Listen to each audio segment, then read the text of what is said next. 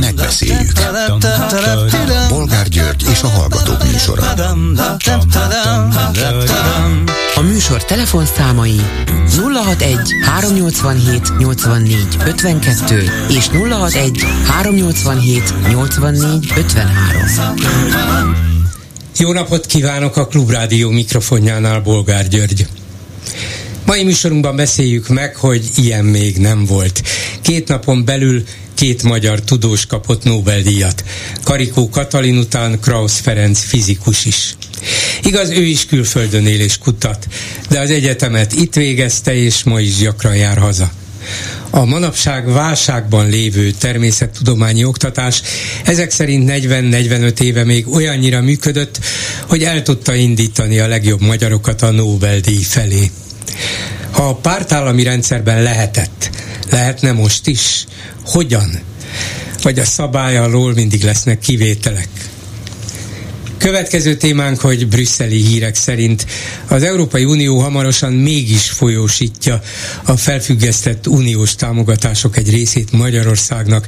Ehhez állítólag az kell, hogy az Orbán kormány hagyja jóvá a közös uniós költségvetés kiegészítő feltöltését, illetve az Ukrajnának szánt közös európai segét.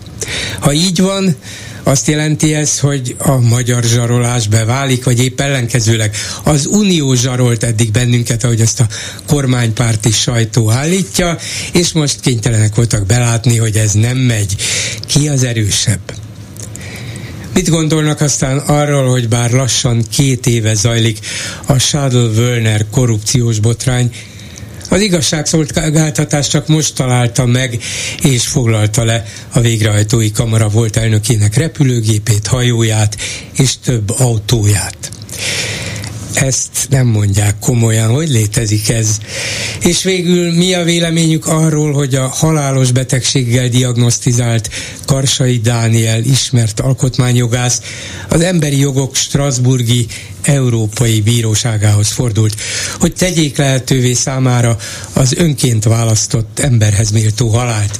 A magyar törvények ugyanis büntetik az eutanáziát, illetve azokat, akik közreműködnek a beteg öngyilkosságában. Karsai most a saját tragikus ügyével próbál segíteni másokon is.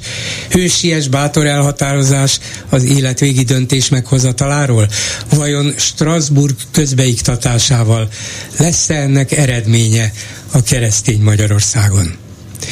Telefonszámaink még egyszer 387 84 52 és 387 84 53. A stúdióban pedig üdvözlöm Csizmadia Tamást, jó napot kívánok! Jó napot!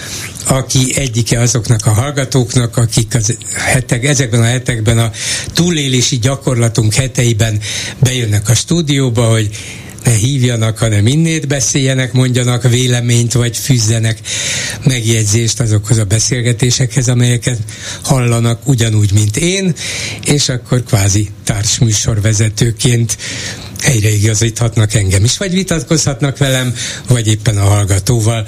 Annyit kérdezek öntől minden esetre, azon kívül, hogy néhányszor már beszéltünk a műsorban, hogy ön mivel foglalkozik. Én alapvetően kutatóbiológusként végeztem eredetileg, de utána az üzleti életben helyezkedtem el, és mostanában a mesterséges intelligenciával foglalkozom leginkább, és elég sok kapcsolatom van a magyar tudományos élettel, és ezekből próbálok olyan termékeket előállítani, digitális termékeket, amik a nyugati vagy egész világon elterjedhetnek. Kollégáim még a múlt héten beszélték meg önnel, hogy bejön ma, és akkor megrendeltük hozzá hozzá két magyar tudományos Nobel-díjat is, hogy legyen miről beszélnünk. Csak annyit a bevezetésképpen, hogy gondolom erre senki sem számított, ön sem, nem hiszem, hogy volt olyan a nemzetközi életben is járatos magyar tudós, aki úgy gondolta, hogy Karikó Katalinon kívül arra azért volt nagy esély, még valaki szóba jöhet, hát tényleg derült égből jött ez a még derültebb nap, hogy egy magyar fizikus is kapott Nobel-díjat, Nobel-díjat, ezt senki nem látta előre. Én tegnap olvastam a Los Angeles Times-ban, hogy két amerikai, az még a Karikó Katalin féle hírnél volt, hogy két amerikai tudós kapta meg a Nobel-díjat. és hát utána kiderült, az egyik, egyik amerikai tudós az Karikó Katalin. Tehát itt a probléma az egy kicsit azért üröm az örömben sajnos, hogy ez nagyon rámutat arra, hogy régen azért volt egy alapoktatásunk, egy gimnázium, egy egyetem, ami azért elég jó volt ahhoz, hogy ezeket a most Nobel-díjasokat kinevelje.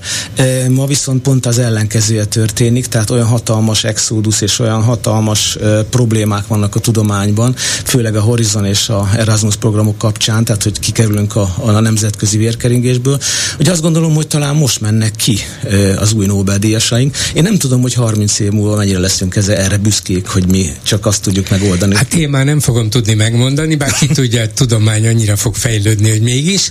Szóval Legyen a lényeg...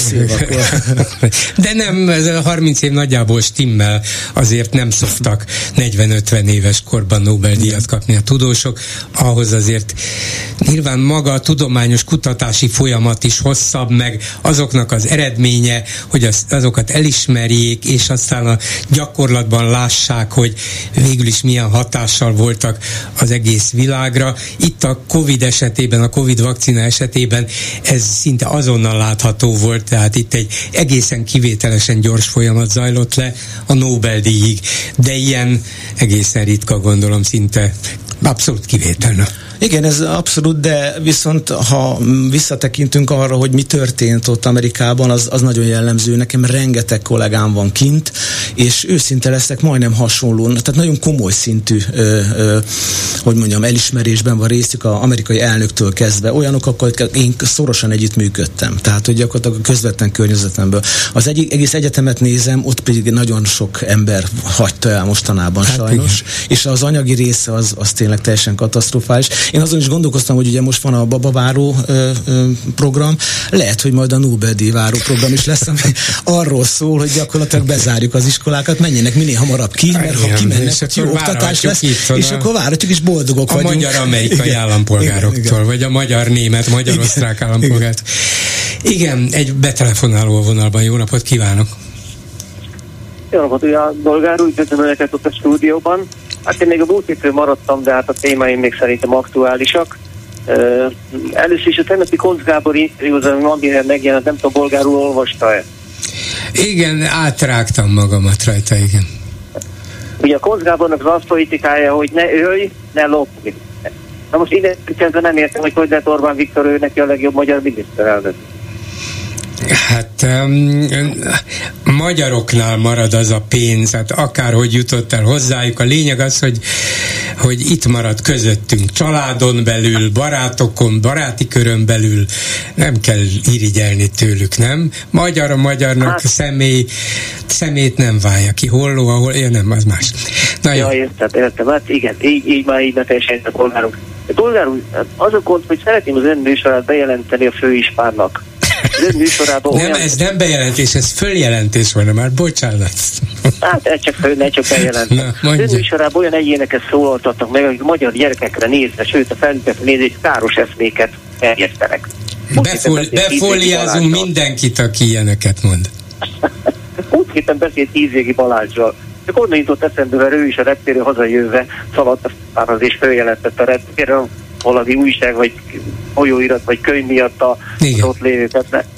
Polgárú, hát, nem, ez, ez, a, ez a része az, amit tényleg nem értek. Megkérdeztem tőle, de azóta se értem, hogy mégiscsak egy, egyrészt európai parlamenti képviselőről van szó, másrészt több egyetemet, külföldi egyetemet is végzett politikusról művel tájékozott. Én elhiszem, hogy keresztény, konzervatív értékeket vall a magáinak, de még az is lehet, hogy egyetért a kormánynak ezekkel az úgynevezett gyerekvédelmi intézkedéseivel. De miért kell szaladni a főispánhoz egy föl vagy bejelentéssel. Na ezt a részi, ezt már nem tudom követni. Nyel egyet, azt mondja, hát nem, nem szép dolog, hogy itt van reptéren ez a könyv, de megtartja magának. Miért kell elszaladni rögtön a baráthoz, hogy Hát a megfelelés kényszer, hogy további van európai parlamenti képviselő. Tehát polgár úr, én nagyon ajánlanám, hogy Kizigi Balázs be lehetne fóliázni nagyon nyugodtan, mert őre is ráférne ugyanaz, mint ezekre a könyvekre, ő szerintük. Polgár úr, megoldást találtam arra, hogy miért volt Orbán Viktor a Bakács utcában. Na, na. Mert én szerintem ment kifizetni Schmidt Máriának a adriai nyaralást. Ja, honnan tudja, hogy Schmidt Mária ott bármit birtokol? Túl gondolja, hogy az egész bérház az övé? Lehet, hát, persze. Hát, szerintem az egész utca már a Schmidt Máriáé. Bolgár úr, azt mondom, hogy én szerintem megszólaltatta a 444 riporterét ezzel kapcsolatban, és én úgy érzem, hogy a 444-es, ahogy a magyar ellenzékre jellemző, hogy ezt is nagyon elbénázták. Megint nem volt előkészítve. Egy akkora zicset kaptak az élettől, egy, egy állampolgári bejelentést, hogy Orbán Viktor minden nap oda megy. Miért nem mentek tovább? Szerintem pont az lett volna a lényeg, amit önök ugye azt mondták, hogy nem ez a lényeg, hogy hova ment, kinek fizetett, mit csinált. Hát ezt azért utána kellett, jobban elő kellett volna készíteni. Hát azt gondolták, oda mennek, Orbán Viktor megszólaltatják, akkor elmondja azt, hogy ő valójában a Matolcsiról mi a gondja, hogy mi a gond az inflációval. Hát tudják nagyon jó, hogy kinevetik őt állandóan. Miért nem mentek utána? Miért nem raktak be hát oda igen, olyan hát embereket? Nem az utcasárkon kell megkérdezni az inflációt és a matolcsit, ez igaz, de arra mondjuk nem számíthattak előre, hogy Orbán Viktor a kezében 20 ezreseket számolgatva lép ki az autójából és lép be a bérház ajtaján vagy kapuján, de ha a 444 nem is az RTL híradó utána ment a dolognak, és próbált ott lakókat megkérdezni arról, hogy látták-e már Orbánt, egyik azt mondta nem, a másik azt mondta igen, hogy mi lehetett, mit csinál, és akkor hát tulajdonképpen nem jutottak igazán közelebb, de legalább kísérletet tettek arra, hogy megpróbálják beazonosítani, hogy mégis mit kereshetett ott a miniszterelnök. Na de polgár úr, hogyha kapnak egy állampolgár bejelentés, hogy Orbán Viktor ide szokott járni, akkor tök logikus, hogy ezt előkészítjük, berakunk embereket a lépcsőházba több helyre, hogy látsuk, hogy melyik szobába megy be, akkor már látjuk, hogy mi van odaírva, hogy ki lakik itt. Alapból ezt kellett volna csinálni, nem pedig így hagyni. Most emlékszek annak idején, mikor a szocialista kormány alatt lebuktatták azt az embert, aki a pénzt tett el kandikamerával. Hát ők utána tudtak járni a dolgoknak, meg tudták csinálni azok a dolgokat, ami, ami, ami a belebuktak politikusok. Alapból ez egy nagyon nagy siker volt, és sajnálom azt, hogy nem gondolkoznak ilyen észre ezek az újságírók, nem mennek a végre a dolgnak, hanem ilyen hagyják ezt az egészet úgy elsülni, és egy év múlva nem is fogunk róla beszélni. Na de most akkor, gondolom, akkor mi történt volna, ha kiderítik, hogy ide és ide jár Orbán Viktor rendszeresen? Bolgár úr, nem tudhatjuk, lehet, hogy Orbán Viktor, és, és ön ugye ezt nem hagyta kifejteni az egyik hallgatónak, lehet, hogy örömlányhoz ment, lehet, hogy örömfiúhoz ment. De, lehet, de ezt ugye bizonyítani nem fogjuk tudni, hiszen ez akár, akárhova csönget be, és valószínűleg nincs oda kiírva semmi, de akárhova csönget be, hát onnantól kezdve nem lehet bemenni, és hiába vádaskodik valaki, abból nem sül, nem, nem sül ki semmi jó. Igen, bolgár úr, de hogyha mindig hagyjuk azt, hogy ezek el, el szimuljanak, nem tudjuk őket mi is vádolni dolgokkal. Esetleg olyan teóriákat gyártani, hogy, hogy tovább foly vinni ezt a dolgot, hogy miért ment ő pszichológushoz, miért ment ő örömlányhoz, miért ment esetleg egy pénzügyi szak, akárkihez. Hát érti, nem De a ugye ezt a, a pszichológus dolgot is fölvetettük, éppen beszéltem Szabó Tímeával, és ők tettek ki a Facebook oldalára, hogy többen azt mondták, hogy ott abban a házban több pszichológus is dolgozik. És azt mondta erre, vagy azt írta ő, valamit itt is elmondta nekem, hogy ha esetleg így volna, az se volna szégyelni való, nem baj. Hát egy ilyen vezető politikust rengeteg stressz ér, rengeteg nyomás, néha ezeket meg kell beszélni, és jobb egy szakemberrel mit lehet még ezek után megtenni? Tegyük fel, hogy elmondja, vagy, vagy nagyjából valaki bizonyítani képes, hogy tényleg oda ment. És akkor mi van? Akkor már nem alkalmas miniszterelnöknek? Nem ezért nem alkalmas, hanem azért, ahova és ahogyan viszi Magyarországot. Ezt pedig el tudjuk még mondani, ameddig lehet. De polgár ezek az apró dolgok mind hozzájárulnak ahhoz, hogy Orbán Viktornak a nem is mondom, hogy a nimbuszát, de, de valamennyire csökkentsük azt a hatását, ami ugye a, a, a Magyarország nagy részére tulajdonképpen ő rányomja. Hát aztán a gyógyszert annak idején ugye nevetséget tették. Én mindig mondtam azt, hogy politikus akkor tudják ö, ö, ö, megdönteni, vagy leváltani, de nevetségesíthetik. Ami komolyan veszik őt, és komolyan mennek, a komolyan vizsgálják azokat a dolgokat, amit ő csinál, addig nem lehet. Hát ebb, ebből, ebből a látogatásából is nevetségesen jött ki, mert rengeteg internetes mém és hasonló jelent meg a nyilvánosságban, de hát attól, hogy mi nevetünk rajta, meg százezrek, attól ő még nem, nincs lejáratva. Bocsánat, hogy a hallgatónk, aki itt ül, valamit szeretne mondani. I- igen, csak annyit, hogy hát végülis azért vegyük a jó oldalát, hogy végülis fizet valamiért. Tehát, hogy ez is nagy dolog, hogy ha kifizeti. Mondjuk, ha azt láttuk volna egyszer, hogy amikor megy a meccsre, akkor a Jetnél számolja a 20 ezereseit, hogy most mennyivel fog neki ez kerülni. Ez 1 millió 200, igen, 210, igen, az akkor egy ennyivel tartozom. Ennyi. Ez például jó megjegyzés. Nem? Igen, csak hát ugye a kormány és ugye mindenki arra ösztönöz minket, hogy kártyával fizessünk, hogy, hogy legális legyen a mindenfajta fizetésünk, ők pedig fiától együtt a két pénz irányába mutogatnak. Hát akkor Köszönöm, ne, nem biztos, hogy ezzel volna. fizetett, csak a kezében morzsolgatta. Hát aztán eltette, és azt mondja, hát mégis van nekem kártyám. Ezt mert nem láttuk. Na jó, köszönöm szépen, viszont hallásra. A vonalban pedig Magyar György ügyvéd, jó napot kívánok! Jó napot kívánok! Hát nem a készpénz, készpénz használatról és a miniszterelnök érdekes útjairól kívánok önnel beszélni, bár a valamit tud, nem bánom, de arról, hogy, hogy a, folytatódott a Völner Sádl ügy bírósági tárgyalása, és ma derült ki legalábbis a sajtónak, nem tudom az igazságszolgáltatásnak mikor, de abból, amit lehetett olvasni, hallani, most derült ki az igazságszolgáltatásnak is a közelmúltban, hogy Sádl Györgynek hát bizony repülőgépe is volt, meg hajója is volt, meg több más autója is volt, és ezeket mostanában találták meg, illetve foglalták le. Két évvel ezelőtt tartóztatták le ezt az embert. Hogy lehet, hogy ennyi nagyon értékes vagyontárgy eltűnik az igazságszolgáltatás szem elől? Mi ennek a magyarázata? Értem a kérdést, de ezek szerint akkor nem tűnt el, megvan. a, a válasz a jó, köszönöm, igen. A jogszabály, a jogszabály lehetőséget teremt arra, hogy amikor már vádat emelnek valakit szembe, és a nyomozás ilyen értelemben lezárták, akkor a bíróság rendelhessen el lefoglalást, éppen abból a célból, hogy bizonyítási eszköz vagy vagyon elkobzás alá eső vagyon biztosítás érdekében a büntetőjárás eredményesen lefolytatható legyen. Hát nem kell hozzá nagy készség, hogy bármikor az eljárás tartam alatt előkerülhetnek olyan információk, olyan tudás. Ügyvéd úr, valamiért, bár az ön érces hangját mindig jól szoktam hallani, de most el-elmegyeget a hangja. Mindig elmegy a hangja. Hát ho, ho, de hova, hova? Ha, azt nem tudom esetleg rosszul tartom a készüléket, vagy Le... csak egy városi vonalat, vagy... Esetleg vagy talán, ha a városi vonal, akkor kérem, hogy tegye le, és a kollégáim... Van nem... városi vonalunk, jó, próbáljuk. I- igen, jó, jó, akkor megpróbáljuk azon keresni, remélem, hogy mi is tudjuk ezt a, ezt a számot, de visszaadjuk akkor, és beszélje meg, kérem a, a kolléganőimmel, hogy mi ez a városi szám, mert ez így eléggé talányos volt, hogy éppen mit is akar mondani.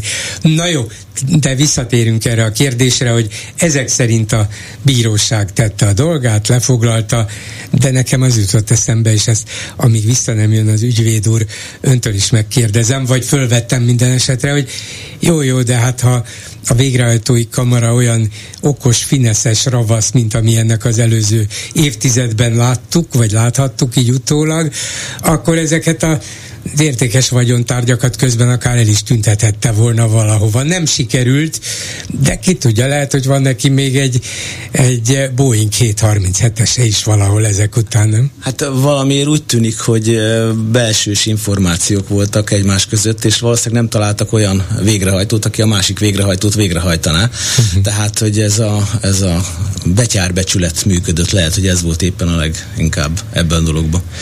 Hát nem tudom, de valahogy az ember, én tényleg laikus módon úgy képzelem, hogyha egyszer egy ilyen súlyos ügyben valakire lecsapnak, egy ideje már figyelték is, ezt tudjuk, és igyekeznek ugye minden módon az ő manőverezési képességeit korlátozni, vagy minimálisra szűkíteni, akkor az egyik az, hogy a nagyértékű vagyontárgyakat lefoglalják, hogy nehogy azzal tudjon játszadozni, kimenekíteni, ki tudja kinek a nevére átírni, vagy, vagy valamilyen módon eltávolítani a közeléből, mert az, az nem vezet jóra. De az, az, az biztos, hogy a, a neten rengeteg ilyen nagyon jó videó van, ami lehet látni, hogy ahogy lecsapnak abba a pillanatba, el is vesznek mindent, úgyhogy ez kicsit azért nyilván furcsa.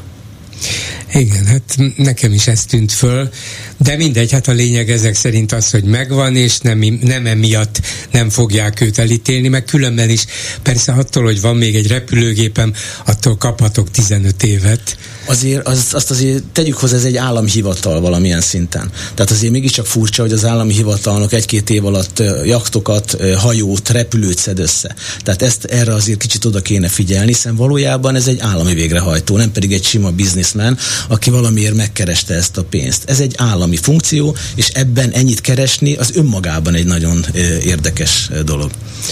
Igen, hát ennek az egész disznóságnak a méreteire valószínűleg csak most derül fény, hogy egyre többen vallanak, hogy, hogy miért volt érdemes egyáltalán bekerülni ebbe a végrehajtói körbe, miért érte meg az új végrehajtóknak, hogy a, a nyereségük felét, háromnegyedét átpasszolják az, az elnöknek, hogy még így sem próbálták őt megbuktatni, hogy kérem szépen, milyen, milyen dolog ez ilyen korrupciós ügybe berántani minket, de hát ezek szerint olyan óriási profittal, olyan óriási nyereséggel dolgoztak, hogy még ez is megérte.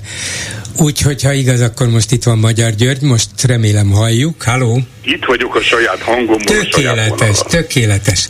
Na, hát akkor hallgatom tovább, szóval ne izguljunk, megvan az a repülőgép, megvan az a talán nem 27 milliárdos hajó, csak úgy közben itt a, a, azzal a műsorvezető társammal, aki hallgatóként most bejött a túlélési gyakorlatunkra, és itt ül a stúdióban, azt beszéltük, amíg ön nem volt itt, hogy, hogy mégis hogy lehet, hogy nem tűnt föl ez a mérhetetlen gazdagodása a végrehajtói kar vezetőjének, hát hogy ez biztos, hogy nem lehetett csak úgy csinálni, ráadásul ezek az emberek magamutogatók is, és megmutatják, hogy miük van.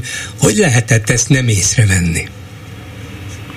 Hát sok oka lehet, hát megmondom őszintén, hogy most találgatunk, de még egyszer mondom, az a legmegnyugtatóbb, hogy a hatóság és ez esetben a bíróság meglelte azokat a vagyonelemeket, amelyeket el lehet kobozni szükségszerűen, ezért aztán szükség van a lefoglalásukra is. Ilyenkor két év múltán is, ahogy ön kérdezte, bírói szakban. Mert azt kell tudni, hogy a nyomozásnak határideje van. A nyomozásnak a végleges határideje a gyanúsítástól számítottan kettő esztendő. Ezt az időt egyszer lehet hat hónappal meghosszabbítani. És a nyomozás le- lezárását követően születik meg egy vádirat. A törvény pedig azt írja elő, hogy a vádirat benyújtásáig az ügyész tehet indítványt ilyen lefoglalásra, vagyon elkobzási érdekében, azt követően pedig a bíróság. És most nincs ebben semmi különös, most ez történt. Hogy mi az oka annak, hogy a nyomozás során, tehát az el, ezt megelőző kettő esztendőben miért nem derült föl minden vagyonelem, erre nagyon nehéz válaszolni, de nagyon sok oka van, nagyon sok oka lehet. Talán a legkézenfekvőbb oka az, hogy a megkeresésekre esetleg későn érkezett válasz, ha egyáltalán elrendelték a megkereséseket, különösen ha külföldön tartózkodnak a hajók, Magyarországnak kevés tengere van, de könnyen elképzelhető, hogy ezeket máshol kötötték ki, és ezért a jogsegész szolgálatok keretek között meg kellett tudnunk, meg kellett tudni a hatóságnak, hogy hol lelhetőek föl azok a vagyontárgyak, amelyek ilyen értelemben elkobzás alá eshetnek, és azt követően pedig a bűncselekmény vonatkozásában lefoglalják. Másik ok lehetett, másik ok lehetett, hogy nem feltétlenül volt eredetileg az ő nevén. Az is lehet, hogy másokat használt föl, később derült ki, esetleg másik eljárásból jutott a hatóság tudomására olyan információ, amely elvezetett ezekhez a vagyonelemekhez, és ezért kellett utólag elrendelni ezekre vonatkoztatva a lefoglalást, ami még egyszer mondom, a vagyonelkobzás alapját képezi, mert el kell tudni kobozni, és meg kell szerezni azokat a vagyonelemeket, amelyek bűncselekményből származnak. Ezt mondja a törvény, és azt is mondja, hogy nem csak a bűncselekmény követése során, vagy azzal összefüggésben szerezték meg, hanem még azokra a vagyontárgyakra is el lehet rendelni, amelyek a helyébe léptek azoknak az eredeti vagyonelemeknek. De alapesetben ilyenkor a nyomozás alatt az ügyészség, rendőrség alaposan körülnéz, hogy milyen is van ennek a gyanúsítottnak, vagy később vádlottnak, hogy, hogy le lehessen ezeket foglalni? Hát a kérdés értelmes és felvethető, hogy alaposan körülnéze, hogy hogyan jártak el, ezt nem tudom. A nyomozóhatóság valószínűsíthetően kicsit időben be volt szorítva, meg az is lehet, hogy kereteket szabtak a tevékenységének. Én nem mondom, hogy milyen oldalról és milyen érdekből, de könnyen elképzelhető, hogy az ügyészségnek vagy ideje, vagy indoka nem volt arra, hogy nagyon nézzen körül, hogy hol található még vagyoneleme Savl úrnak. El kell mondjam önnek, hogy pont a végrehajtási eljárásokból tudjuk azt, hogy egy egyszerű végrehajtásnál, tehát ha van egy normális adós, ott is a végrehajtónak az első dolga, hogy minden nyilvános nyilvántartást megkeres. Gépjármű nyilvántartást, hajó nyilvántartást, ingatlan nyilvántartást, stb. stb. Ezeknek a megkeresése az ő vonatkozásában egy gombnyomás. Tehát nagyon könnyen meg lehet a nyilvános adatokat szerezni. Sádl ügy esetében tisztán tudjuk, hogy nagyon komoly ingatlan vagyon háttér volt, és nagyon komoly lefoglalások történtek. Már az is lehet, hogy a nyomozóhatóság annak idején úgy gondolta, hogy az általa okozott kár értéke, vagy az elkövetési értéke, ami a vagyon elkobzás alá kell, hogy esen, már túlhaladja a lefoglalt vagyonelemek értéke, ezért aztán nem nyomoztak tovább, nem kerestek többeteket, de most a bírói szakban, akár más információkból, akár tanúvallomásokból, akár más büntető eljárásból származó hivatali tudomásból származón további vagyonelemek keletkeztek, miáltal ezeknek a vagyonelkobzás miatti lefoglalását elrendelte a bíróság. Van arra valamilyen életszerű magyarázata, hogy egy ilyen mégiscsak a, a, az igaz, igazságszolgáltatási körökben jól ismert ember, mint Sádl György, a végrehajtói kar volt elnöke, ha ilyen mértékben meggazdagodik, ennyi háza, ingatlana, repülője, hajója, autói, stb. van, és ebből nyilván ezt-azt meg is mutat különböző ismerőseinek, hogy létezik az, hogy ez nem tűnik föl, hogy ez, ez nem kelti fel az emberek hát legalábbis kíváncsiságát. Jó, valakinek a kíváncsiságát valamiért valahogyan annyira fölkeltette, hogy elkezdtek utána nyomozni, de ez annyira feltűnő és annyira szemetszúró kellett, hogy legyen, hogy ebben akár sokkal hamarabb bele lehetett volna bukni. Ezért kérdezem ezt az életszerű magyarázatot. Lehet ezeket így elbújtatni ilyen ember részéről? Meg, meg tudja ezt tenni? Értem a kérdést, tehát ő is, ön is arra utal, hogy az ő életvitele, ugye, az igazolható jövedelmi viszonyok és a személyi körülményekhez képest különös életformája és vagyongazdagodása szemet szúrhatott. De, de a büntetőeljárásnak az a lényeges tartalmi eleme, hogy azokkal az elemekkel lehet foglalkozni, amelyek bizonyíthatóak. Ezért mondom azt, hogy a nyomozóhatóság a rendelkezés álló kettő esztendő alatt nem mindent tárt föl, hogy miért nem, ezt már nagyjából érintettük, lehetett ilyen beszűkítése is az eljárásnak, vagy az időhatája miatt, vagy úgy gondolták, hogy elegendő már, amit lefoglaltak, de most kiderült, hogy végig vannak vagyonelemek, és nagyon helyes az, ha ezek újra előkerülnek, mert csak a bíróság van abban a helyzetben, hogy ezeket a vagyonelkobzás alá eső elemeket nyilvántartásba vegye. A törvény egyébként borzasztó egyszerűen fogalmaz, azt mondja, hogy a büntetőeljárás megindítását megelőző öt évben szerzett vagyoni elemekre rá lehet fordulni és ebből következik, hogy esetleg később szereztek információkat a repülőgépekről, hajókról, vagy nagyértékű járművekről.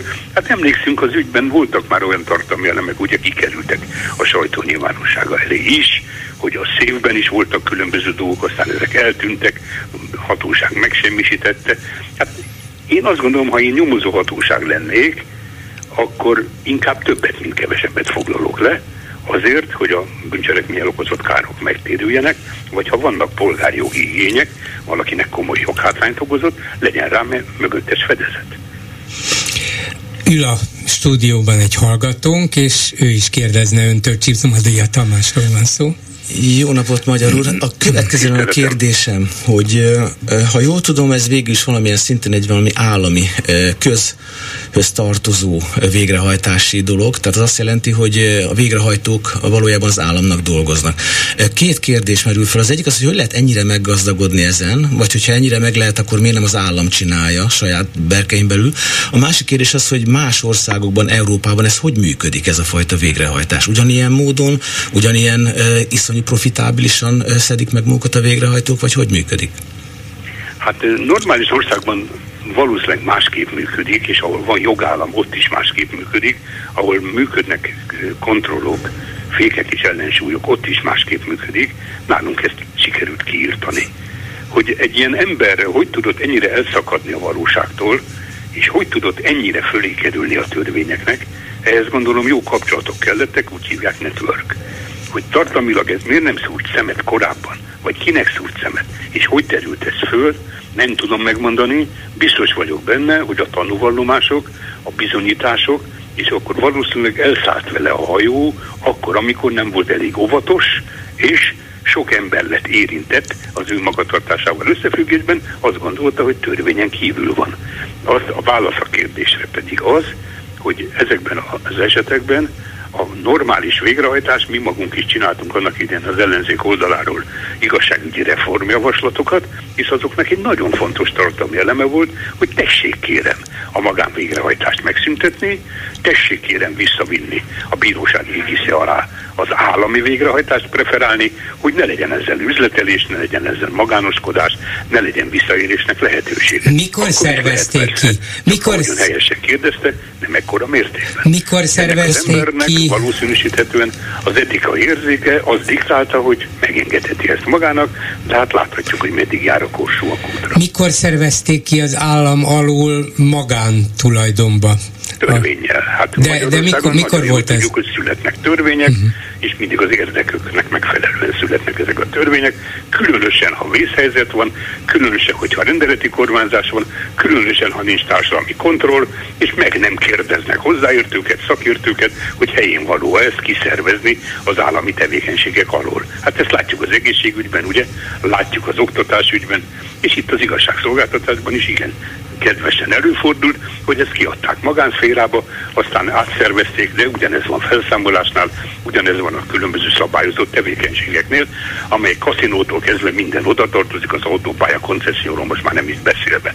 Tehát vannak olyan dolgok, amiket a mi kis hatalmunk jogi felülettel lepe, lefed, jogszabályt alkot rá, rengeteg ilyen példánk van, de a műsoridő kevés lenne ehhez, hogy felsoroljuk, azt azonban a leghatározottabban mondhatjuk, hogy azért hoznak ilyen rendelkezéseket, hogy mondhassák, nincs itt kérem semmi látnivaló, tessék szépen tovább sétálni, minden törvényes és minden szabályos. Hát igen, azért látnivaló, mint látjuk, az összes újabb és újabb tárgyalási napon van, és gondolom egyre több lesz is, és mondjuk az szorul, vagy mint az szorulna a háttérbe, hogy a, az igazságügyminisztérium volt államtitkára, a miniszter helyettese, mit csinált, hogy csinálta, bár most már arra is vannak jelek, hogy, hogy Sádl esetleg vagy ő, vagy nem, még ez se pontosan derült ki bizonyos napló bejegyzésekből, többször találkozott, vagy akart a miniszterrel, Varga Judittal, hogy még Trócsányi László az ő elődje is be volt jegyezve a naplóba. Szóval, hogy ezeknek a végrehajt vezetőknek sok elintézni való dolguk volt az igazságügyminisztérium vezetésével. Ez egyébként normális volna? Legyünk jó szeműek. Ó, le, fel, mindig azok vagyunk. szerveknek számítanak. Uh-huh. Az együttműködésük ingényelhető, elfogadható. Ha ez átmegy korrupcióba, vagy átmegy bűncselekmény leplezésébe, átmegy hivatali vesztegetésbe, vagy hivatali vesztegetés elfogadásába, hivatali visszaélésbe, és mindazokba a cselekményekbe, amelyben Sádli úr meg van vádolva, akkor azt gondolom, hogy nem elfogadható. Demokratikus országban, más országban, ahogy az ön társműsor vezetője tőlem az előbb kérdezte, ez nem fordulhat elő Ez a tipikus igazságügyminiszter, aki ilyen gyanúba keveredhet, önként távozik. Fölteszi a kezét. Már akkor elmegy egy fontos ember a pozíciójából, hogyha a felesége bundát vásárol. Ugye emlékszünk erre, Németországban fordult elő. Ez ennél súlyosabb, hogy Varga Juditot végül is kimenekítik Európába, én azt nem tudom megindokolni, hogy helyén való de nem úszták meg azt a részét, ha tanúként meg fogják hallgatni ebben a büntetőeljárásban, mert akármilyen pozícióban van egy volt igazságügyi miniszter, ha éppen ő az Európai Bizottság vezetője, vagy az Európai Frakció tagja, a Fidesz oldaláról, vagy akár kinevezik Dalai Láma helyettesének, akkor is köteles tanúvallomást tenni, és mint tanúvallomásra, igazmondásra köteles. Tehát nem tudom elképzelni, csak politikailag, hogy kimenekítik őt ebből a funkciójából, és akkor megszűnik a vele való kapcsolatos érteklődés. Nem hiszem vele, hogy megszűnne. Uh-huh. Egy kemény, határozott büntetőeljárásban az ő szerepe megkerülhetetlenül fontos. Köszönöm szépen Magyar György ügyvédnek, viszont hallásra! Minden jót kívánok én is, tiszteletem! A telefonnál pedig Újhelyi István, európai parlamenti képviselő Brüsszelből. Jó napot kívánok! Jó napot kívánok! Éppen Strasbourgból. Stra- na, pláne. Érzem is, hogy rosszabb a vonal Brüsszelből, mint hogyha tisztább volna. Ülök az irodában. Na hát, lehet, hogy mások is hallgatják önt, és ezért elszívják a hangerejének egy részét, hogy valamiért most előbb Magyar Györgyel is kicsit nehézkesen indult a beszélgetés, nem volt valami túl tiszta, de azért bízom benne, hogy hallani lehet önt is. Két dologról érdeklődöm. Az egyik az általában jól értesült Brit Financial Times-nak a mai cikke arról, hogy brüsszeli értesülések szerint Magyarország Magyarország november végéig megkaphatja az eddig felfüggesztett uniós források egy részét, cserében állítólag azért, hogy Orbán Viktor végre támogassa az Európai Unió költségvetésének megnövelését, tehát hogy adjanak kiegészítő forrásokat, illetve járuljon hozzá ahhoz, hogy az Unió folytathassa az Ukrajnának szánt segélyek kifizetését. Hát ha ez így igaz, ahogy én elmondtam, hogy, hogy a Financial Times eh, jelzi, akkor mintha beválna Orbán Viktor zsarolási politikája. A, bármit el tudok képzelni, meg annak az ellenkezőjét is hiszen... Egy kicsit hangosabban, ha tudna beszélni, mert... Meg, meg, meg, megpróbálom. Így most jobb esetleg? Így jobb, igen, igen, nem tudom, mit csinál, de megtalálta a mágikus megoldást. A hagyományos módra kezembe vettem a telefon, és nem a...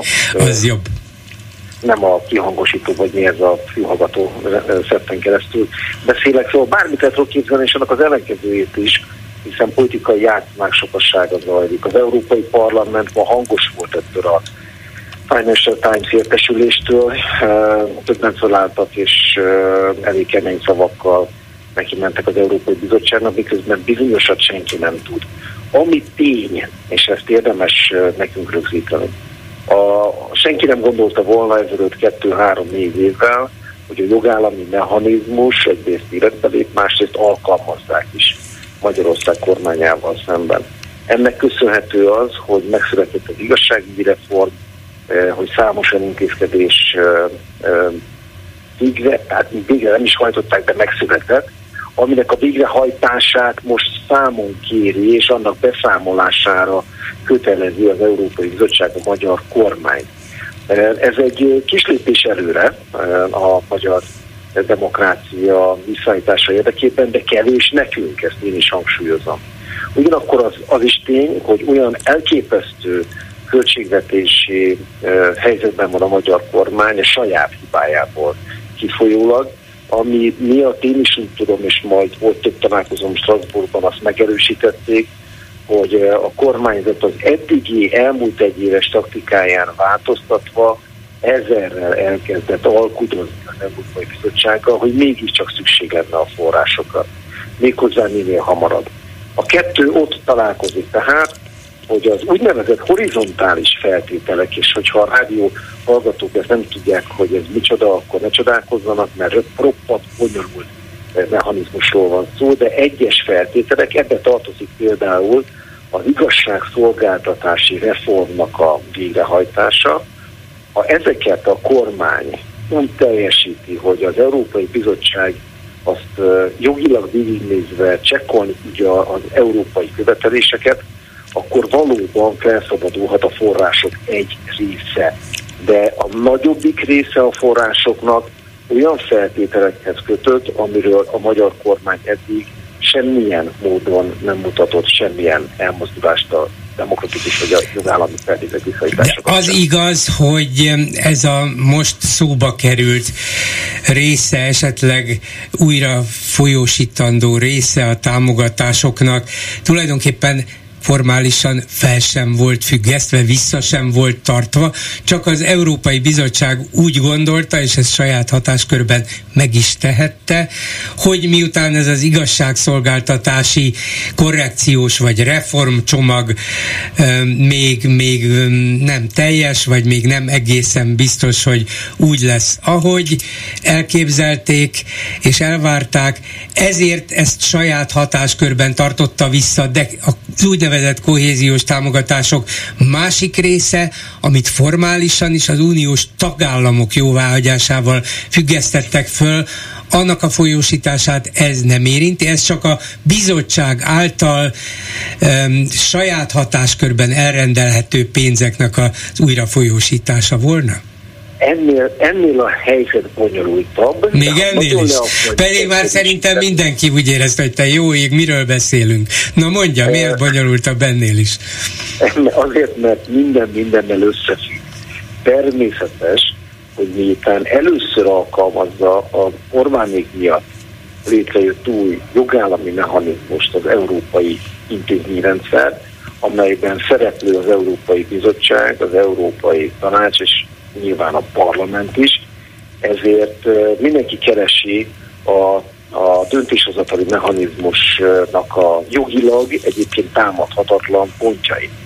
Valóban, ahogy ezt én az előbb is mondtam, hogy vannak olyan e, e, befagyott forrásaink, amelyek közelében sem vagyunk, hogy ezek, ezek egyelőre feloldódjanak, hiszen azoknak olyan feltételeket kellene teljesíteni, amivel az Európai Bizottság vissza kell menjen, ahogy ön is mondta, a tanácshoz döntésekre.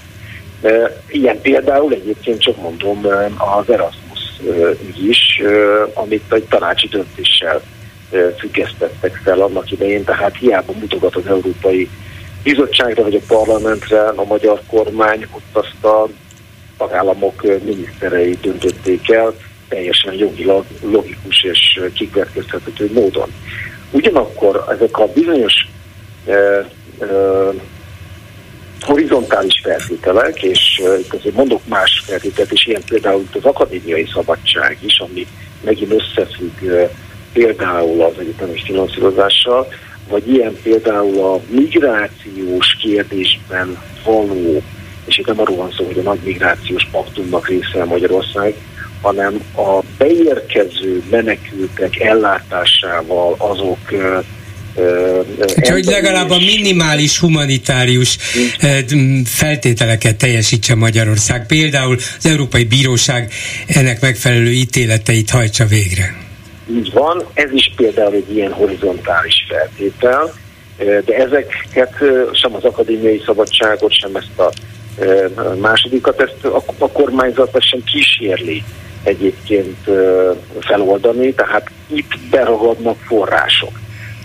Ami, amiről most szó van, az kifejezetten egyébként a legnagyobb csomag, ez a bizonyos igazságszolgáltatási reform, ami most már egy másfél éve a magyar kormány nekeng rajta, a parlament egyébként hozott döntéseket, amiket a szakma is üdvözöl.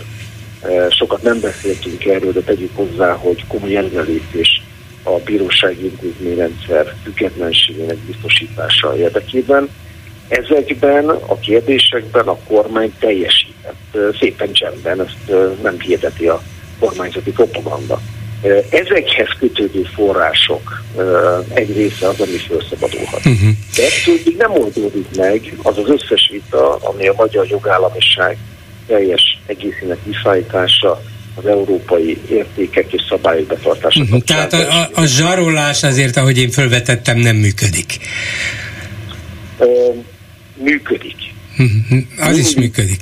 Szóval Igen. nem úgy működik, de valamennyire mégiscsak működik. A, nekem most azt mondták egyébként a, a mai beszélgető társaim a bizottságból, hogy uh, teljesen uh, szerencsétlen vagy szerencsés egy beesés, hogy uh, most van napirenden például a, az úgynevezett felezős költségvetési kiigazításnak az ideje, tehát minden a 7 éves ciklusnak a felezésekor mindig egy költségvetési módosítás történik, hiszen hozzá kell igazítani az élethez az európai költségvetést, és ugye ez blokkolja a kormány. De egyébként a blokkolásnak olyan más következményei is vannak, amelyek túl, amik túl nagy árat fizetne az Orbán kormány, ha ezzel zsarolnak. Tehát nyilván van zsarolási potencia mind a két oldalon, de jelen pillanatban én úgy érzem, hogy nagyobb a kényszer Orbán Viktorékon, hogy európai forrásokhoz jussanak. Ez nincsen egyébként, hogy nekik lenne akkora a képük az arcuk, hogy, hogy is arról tudnák az európai. Csizmadia Tamás hallgatónk itt ül a stúdióban, és ő is kérdezne öntől. Jó napot, új helyül. A következő lenne egy egyszerű, először egy megjegyzés, hogy a Financial Times szerintem olyan havonta kétszer szokta bejelenteni, hogy meg fogjuk kapni a európai pénzeket, de ez mindegy. Amióta egy kicsit messzebb vannak Brüsszeltől, azóta kicsit szabadabban bánnak az információkkal, de hát az újságot el kell adni. Szóval el, előtte volt, tehát én az akadémiai hátterét ismerem Magyarországon főleg, tehát a tudományos életet is, hogy milyen katasztrófát okoz ez a Horizon program. És ami az érdekes a dologban az az, hogy ugye vannak olyan egyetemek, amelyek kapnak, kap, kaphatnak ilyen horizont támogatást, például az ELTE, de vannak olyanok, amik nem. És ami a katasztrófát okozza az az, hogy Európában nem így nézik. Ők mi is láthatóan itt épp ezen sakkozunk, hogy mit kapunk, mikor, és így tovább. Ők ugyanúgy nem foglalkoznak ezzel, és ugyanúgy egyben kidobják az egészet, és én rengeteg olyan projektről, európai projektről, pályázatról tudok, ahol kompletten kidobták még akár az eltét is, vagy bárki más, mert azt mondták, hogy nem tudják, hogy most éppen hogy van, mi van. Mi az, hogy alapítványi, ez nem alapítvány, másik, igen, magyar-magyar. Így van, és gyakorlatilag ez a legnagyobb katasztrófa, aminek azt hiszem hosszú hatása lesz. Teljesen egyetértek. Én is tárgyaltam az egyik olyan brüsszeli kifizető háttérintézménnyel, ügynökséggel, a HADEA-val, ahol azt mesélték nekem, hogy nekik onnan nézve, hát fogalmuk nincs, hogy egyébként egy magyar egyetemi részvétellel zajló nagy konzorciumi pályázat, ahol mondjuk hat különböző országnak a kutatói, tudományos emberei közösen pályáznak, hogy akkor most az abban egy szerepet vállaló magyar egyetem, az most fideszesített alapítványi egyetem vagy sem. Ezért sokkal egyszerűbb az, és itt sem az önkontroll sokszor, hogy sajnos a magyar egyetemeket, a magyar partnereket kirakják a nemzetközi konzorciumok a saját maguk közös pályázataiból, mert ez a legegyszerűbb módja annak, hogy megvédjék a pályázataikat. Ez katasztrófa mindannyiunkra nézve, de szerintem abban megegyezhetünk, hogy, hogy itt a, a lépés lehetősége egyértelműen Orbán kezében van. Az Európai Unió másfél évvel ezelőtt mondta ki azt, hogy milyen jogos feltételei vannak az akadémiai szabadság viszonyítása érdekében, és a kormány azóta sem volt hajlandó ennek eleget tenni. Ez viszont óriási kár, mint a diákjaink, hallgatóink, mint pedig a tudományos szféra szempontjából. És nem értem, hogy miért nem lázadnak. Én a múltkor az egyetemi fiataloknak egy képviselőjével, a Nemzeti Ifjúsági Tanácsnak a tagjával vitatkoztam ezen, jött hozzám éppen Strasbourgba, és azt kérte, hogy írjak alá egy olyan petíciót, amit az Európai Uniónak fogalmaznak meg a magyar fiatalok, hogy ennyi Európai Unió, adjátok vissza az Erasmus pénzeiket. És megkérdeztem tőle, hogy hol van ugyanez a petíció, amit ti a magyar kormány fele fogalmaztok meg. És temlesítve azt mondta, hogy hát az otthoni helyzetből nem akar a politikát csinálni. Tényleg? Köszönöm szépen Újhelyi Istvánnak. Minden jót, viszont hallásra! Köszönöm a figyelmet, és Tamásnak is önnek is szép napot kívánok. Viszont hallásra! A két magyar Nobel-díj mellé még mondok egy örömhírt, 95 millió 986 ezer forint jött össze önöktől eddig, és még nincs vége. és itt ül a stúdióban továbbra is Csizmadi Tamás hallgatónk, aki már eddig is kiváló kérdésekkel vitte előre az interjúkat, és bele fog szólni akkor is, amikor ebben az órában már csak a betelefonálókkal fogunk beszélgetni. Itt van közülük az első jó napot kívánok! Jó napot kívánok, Bolgár úr és Csizmadia úr! Jó napot! tegnapról maradtam félbe. Jaj, jaj, igen, több, több mondandója volt, több három pontja. nagyon fontos témám pontja. volt, de a tegnapi, mert hogy tegnap nagyon siettem, ugye én voltam az utolsó, mit tudom én, öt perc, ezért nagyon siettem, és még új fejlemény is lett a parragasszó és a karikó témakörben, nevezetesen, hogy hat után Dési János műsorában pont ugyanazt mondta, mint amit én, megspékelve azzal, hogy nevezetesen ugye arra tettem célzást, hogy szegény Karikó nem Magyarországon futhatta be a szakmai pályafutását. Igen. 30 éves korától körülbelül a Nobel-díjig, hanem más államokban. Ezért egy kicsit idegen tollakkal ékeskedünk, amikor az ő magyarságára állandóan hivatkozunk, bár ő nem tagadta meg a magyarságát, tehát nagy tiszteletemet vívja ki ezzel, hogy ennek ellenére sem tagadta meg. És Dési úr még azt is mondta, hogy a mai 20 és 30 évesek tekintettel a mai oktatási helyzetre most mennek el más államokba azért, hogy aztán 30 év múlva lehessen rájuk hivatkozni, hogy ahogy, ahogy Csizmadia úr is megjegyezte a műsor elején, hogy igen, sajnos ez lesz, hogy 30, 30 év múlva majd ünnepelni fogjuk az újabbakat, akik most mentek el Magyarországról. Igen, de a nagy szellemek találkoznak így az éteren keresztül. Ha már, bocsánat, pedig... ha már említette Parag Lászlót, és tegnap volt egy interjúja az ATV-ben, nekünk valamiért már nem akart interjút adni, hát nyilván arra... Nem is tudom miért. Ne, én se tudom, hát, hát ha kérdeztem volna valami olyat, amire nem tudott volna válaszolni, lehetetlen. Biztos tudott volna. De minden esetre a 24.hu lehet olvasni, hogy Parag nekirontott a Magyar Nemzeti Banknak, ugye? A felesége Igen. pedig az év elejéig hát a monetáris a tanács tagja volt, és ráadásul a leköszönésekor adott egy interjút, amiben azt mondta, hogy a Magyar Nemzeti Bank az ország egyik legjobb, ha nem a legjobb szakmai műhelye, meg annyi, igen, meg annyi igen. kiváló szakember. Hát szóval érdekes. No. Na most a, a Dési úrnál nálam jelentősen fajsúlyosabb egyén, nevezetesen Bodnár Zoltán mondott valami olyasmit, hogy hát azért egy külkereskedőnek talán mégse kéne a Magyar Nemzeti Bank elnökét bírálgatnia. valami olyan kifejezést használt Csem, rá, nem ezt nem mondta, nem külkereskedő, csempe kereskedő. Ez volt. Mert ugye, tudod? Csempe kereskedő, ugye Sparrag Lászlónak volt egy jól menő igen, nekem a csempe import meg, cége. De nem ezt a szót használta, tudom, igen. csak igen, szóval nagyon tetszett. Na, a másik, a három dolog, amit fontosnak tartok nagyon, Hát az egyik az az, hogy 2021-ben is körülbelül ilyenkor tájt kezdett rám törni a harcszéri idegbaj, hogy kezdünk kicsúszni az időből. És meg kell, hogy említsem, ugye megint a nagy szellemekre hivatkozok, hogy Magyar György volt az előbb a műsorban. Tehát Magyar György, Tóth Zoltán,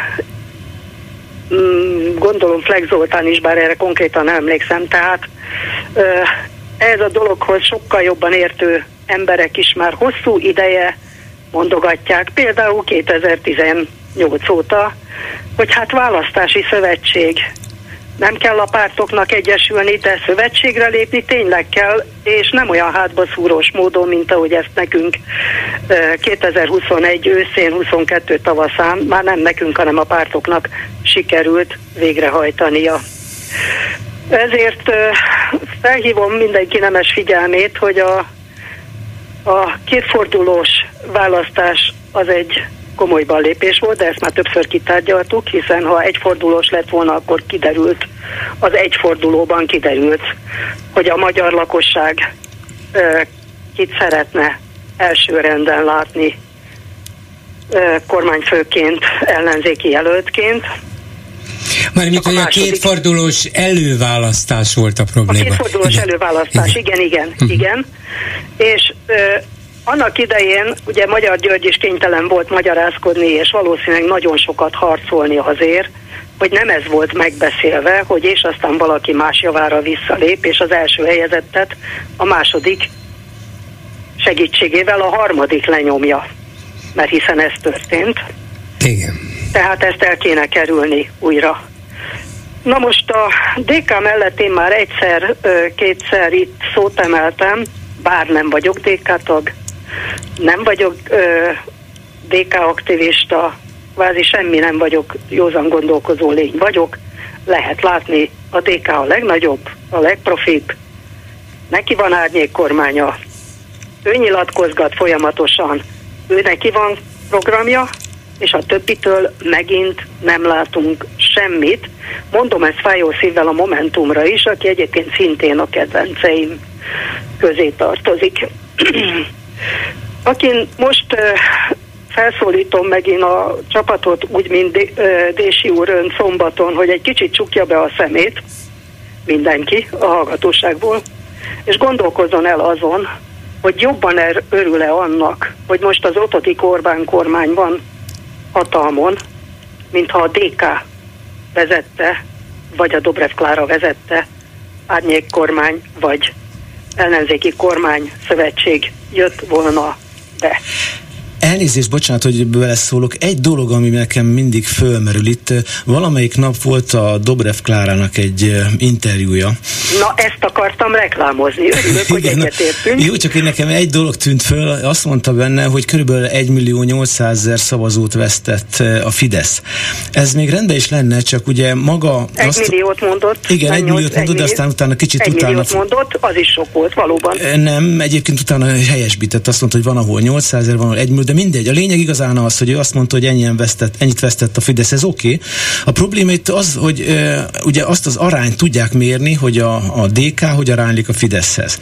A legnagyobb gáz itt az, hogy akiket elvesztettek, azok hova mentek, mert hogy nem a DK-hoz... Igen, tudjuk, nem mentek el a, a, DK-hoz. se a DK-hoz, se a Momentumhoz, Így van. eltűntek a Az a lényeg, épp, épp ezt akartam igazán Igen, mondani, 46 hogy... 46-18-nál tartanak, a Igen. DK és a... Ö, Mármint, hogy a Fidesz és a DK. Igen, csak az olyan mondom, hogy azt mérjük, hogy ez a egyre kisebb rész, ez hogy, hogy aránylik egymáshoz. Egyre kisebb Fidesz, Igen. egyre kisebb DK-hoz. Nem a... tudom, emlékszik-e arra, amit mondott Dobrev Klára, ugyanebben az interjúban, én kétszer néztem meg, hogy ő neki nem a méricskélés a dolga, az a közvéleménykutatóké. Neki az, a program Az rendben van, csak itt a probléma az, hogy gyakorlatilag nekünk ahhoz, hogy választást nyerjünk, ahhoz az kell, hogy ez a bizonyos harmadik harmad, ez megjelenjen. És az Nem, a nagy baj kell, ezzel... hogy az összefogás létrejöjjön. Egy, nagy baj, hogy a DK-val, a DK-val biztos, hogy nem fog működni, nem azért, mert hogy én nem szeretném a gyurcsányt. Én, én, én személyesen egy iskolába jártak a, a lányaink, tehát nekem ezzel nincs semmi gondom. Egy nagyon úriember, egy nagyon kedves, és nincs ezzel sem baj. A probléma az, hogy a DK-val hiába vezet, és hiába áll mindenki össze. Aki összeáll, az is még kevés lesz ehhez az egész dologhoz, mert a harmadik harmad egyre nő. És egyre többen vannak, akik ki- kiábrándultak. Amíg azt a harmadik harmadot nem szólítjuk meg, addig itt reménytelen lesz minden. Én úgy gondolom, hogy szintén, hogy Dobrev Klárát idézem ugyanezen interjúból, reménytelen ö, alapállásból nem kell választásnak indulni. Hát de már ez a negyedik választás körülbelül, amiben egyre nagyobb a DK és egyre nagyobb a vereség. Már kinek a veresége? Hát az ellenzéknek. Egyre rosszabbak az eredmények. És egyre nagyobb a DK. Ez valahogy nekem korrelál. Talán el kell merengeni azon, hogy a DK uh, iránti ellenszem jogos-e vagy nem. De ebben ebbe nem, tudom, ebbe, ebbe nem tudunk beleszólni, ebbe, ezzel nem tudunk beleszólni, vagy csak racionálisan, holott ez lehet, hogy érzelmi kérdés, és nem tudunk az emberek érzelmeire úgy hatni, hogy hát értsétek már meg, hát ennek nincs semmi értelme, csak együtt lehet legyőzni a Fidesz, tehát ha nem tetszik nektek az DK vagy Gyurcsány, akkor is valahogy együtt próbáljuk meg, mert biztos, hogy nagyon sok ember van, aki azt mondja, Orbán nem kell, de egy urcsányjal sem akarok. Tehát nem, nem lehet őket meggyőzni valami olyanról, ami valamilyen módon náluk becsípődött, érzelmileg számukra elfogadhatatlan, ezért aztán bár technikailag, választás technikailag valóban csak valamilyen ellenzéki szövetség tudná elvileg legyőzni a Fideszt, de azt kellene megtalálni, hogy hogyan lehetne a baloldali vagy demokratikus ellenzéki pártokon kívülrekedtek, is, ahogy Csizmadia úr mondja, behozni ebbe a közösbe, úgy, hogy azok nem mondják azt, hogy de ezekkel én nem, azokkal én nem, amazokkal sem, akkor inkább kutyapárti leszek, mert akkor megmarad az én függetlenségem, tisztességem, és az egészre nagy évben teszek. Szóval ezt kellene valahogy létrehozni, de nem tudja egyelőre senki a megoldást, hogy hogyan. Uh, mm, hadd ostorozzam ez ügyben a klubrádiót. Tegye. Tehát az, hogy a klubrádió is azt hangoztassa állandóan, hogy hangoz, bocsánat, hangoztatja, elfelejtettem magyarul, állandóan, hogy... Ö, lehet, hogy jó volt ez, az, azt hangoztassa, hogy, és akkor lehet igen, úgy is folytatni, hogy ez jó nyelvtanilag. De, de szóval igen. azt hangoztatja, hogy a DK-val nem lehet, mert a DK-val nem, nem, nem, nem, nem ezt mondjuk, csak hogy sokan vannak, akik sokan úgy vannak, gondolják, igen. akik... Ö, akik nem, nem, bocsánat, én még egy tegyek hozzá, bocsánat. Azt mondtuk, Elnézést. Annyit csak, hogy a DK-val nincs baj. Tehát aki kor, kor DK szavazó... Egy mondatot, mert most egy kicsit ilyen soklút. Pillanat, egy, csak annyit akartam, hogy a DK-val nincs baj, ezt ne folytassuk, mert nincs baj. Én magam is azt gondolom, hogy egy nagyon jó profi párt, nincs ezzel baj, és akik rászavaznak, szavazzanak rá. Csak mellette kéne valamilyen másik alternatíva. Ennyi. Így van, rendkívül egyszerű. A DK, a Momentum és a kétfarkú kutya és az LMP választási szövetségre kell, hogy lépjen. Most nem soroltam föl az összeset, az MSZP-t is, gondolom a párbeszédet is, és az összes többit, mert ha egyszer 46-ot mérnek most a Fidesznek, akkor 54-et kéne megnyerni az ellenzéknek.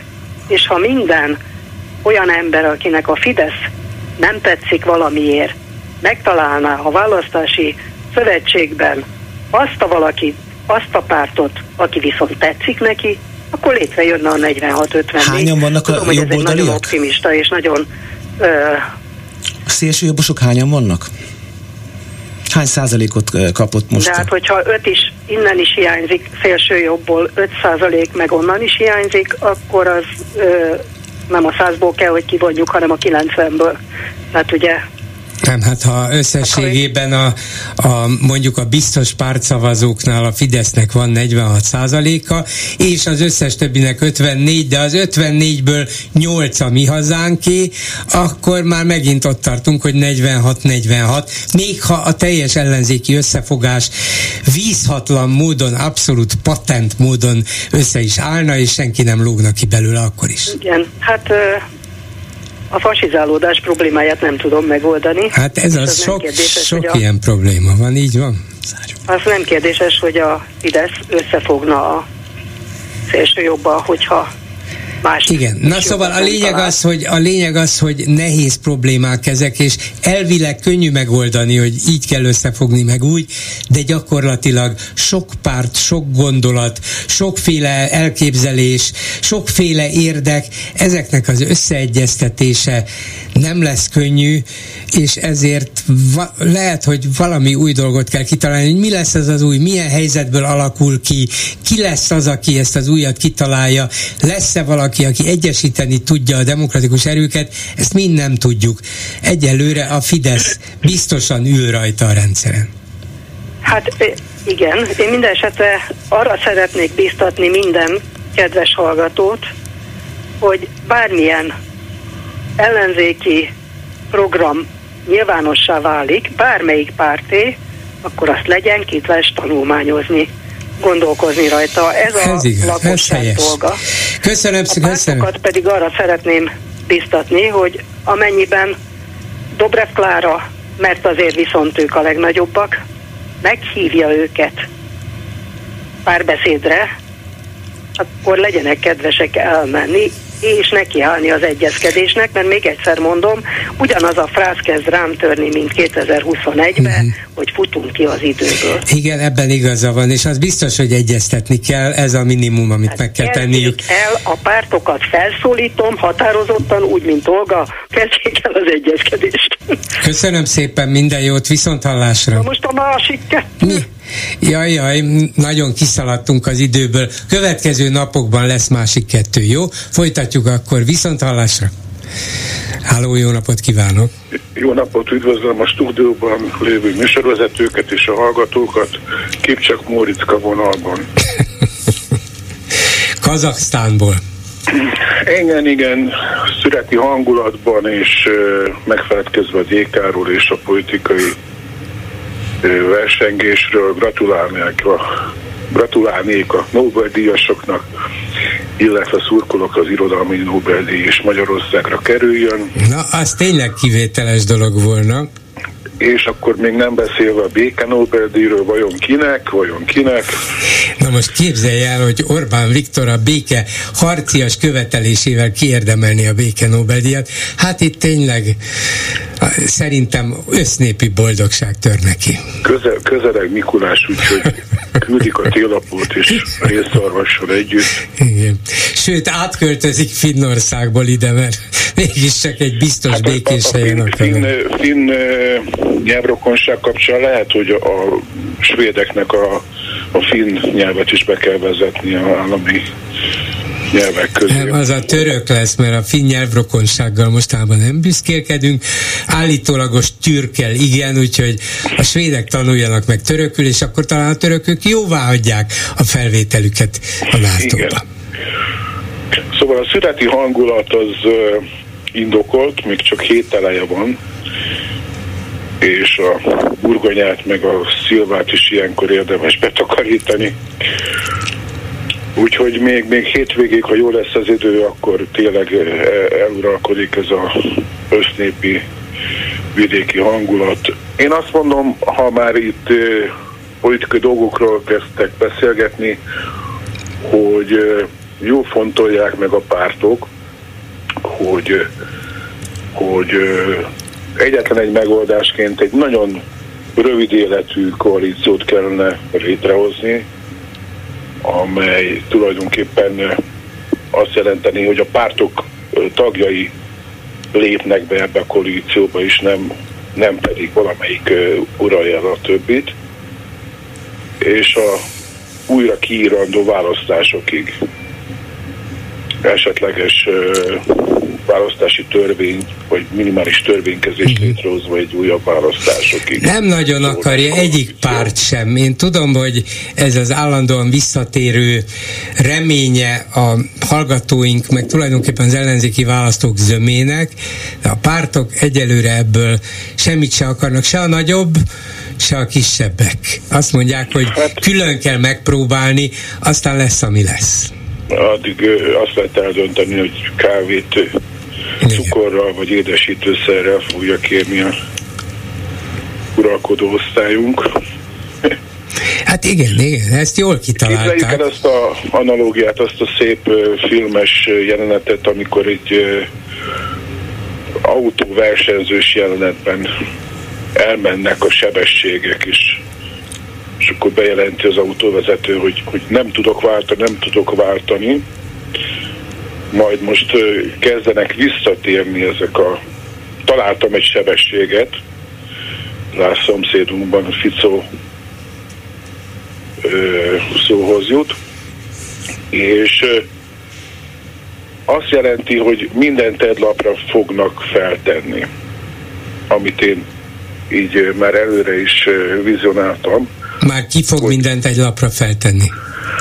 Hát a, jelenleg, jelenleg, jelenleg nem tudom, hagyadik harmadukat élvező vagy hanyadik. Ja, két harmadukat, a, a Fidesz mindent egy igen, lapra tesz föl. Igen. Hát minden lap az övé, nem kell egy lapra föltennie mindent, mindegyik lap az övé.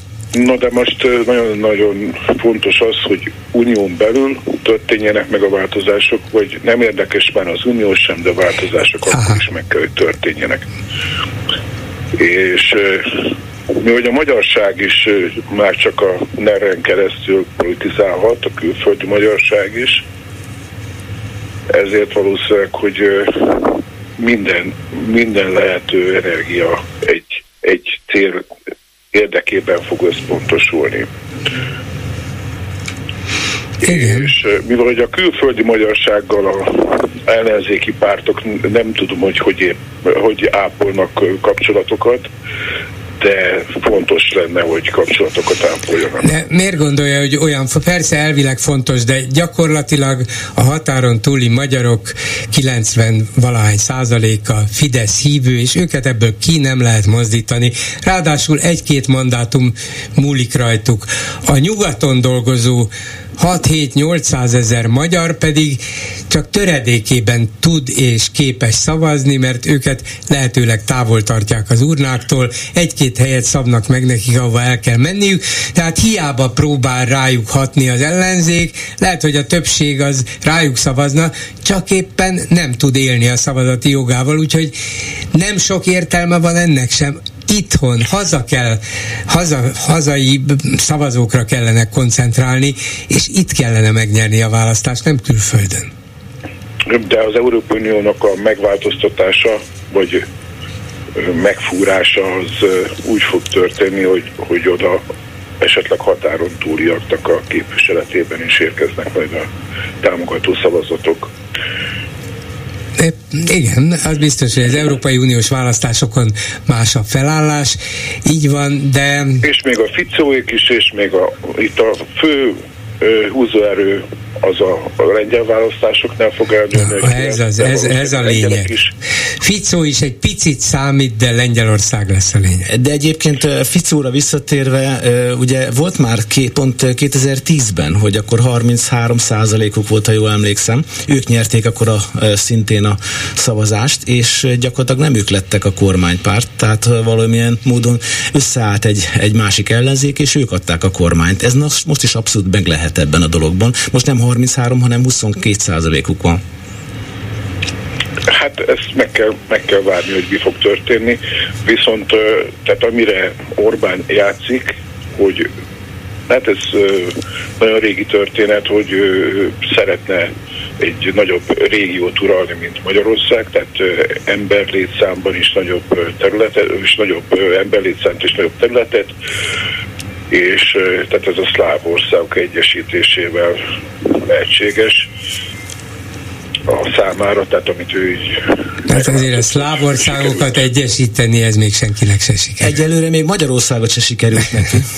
így van. Na de a kintlőségei már olyan területeken vannak, amely, amelyek ilyen balkáni szláv területek főleg, de ö, ezen túlmenőleg ugye még az almen ö, befektetései is ott vannak.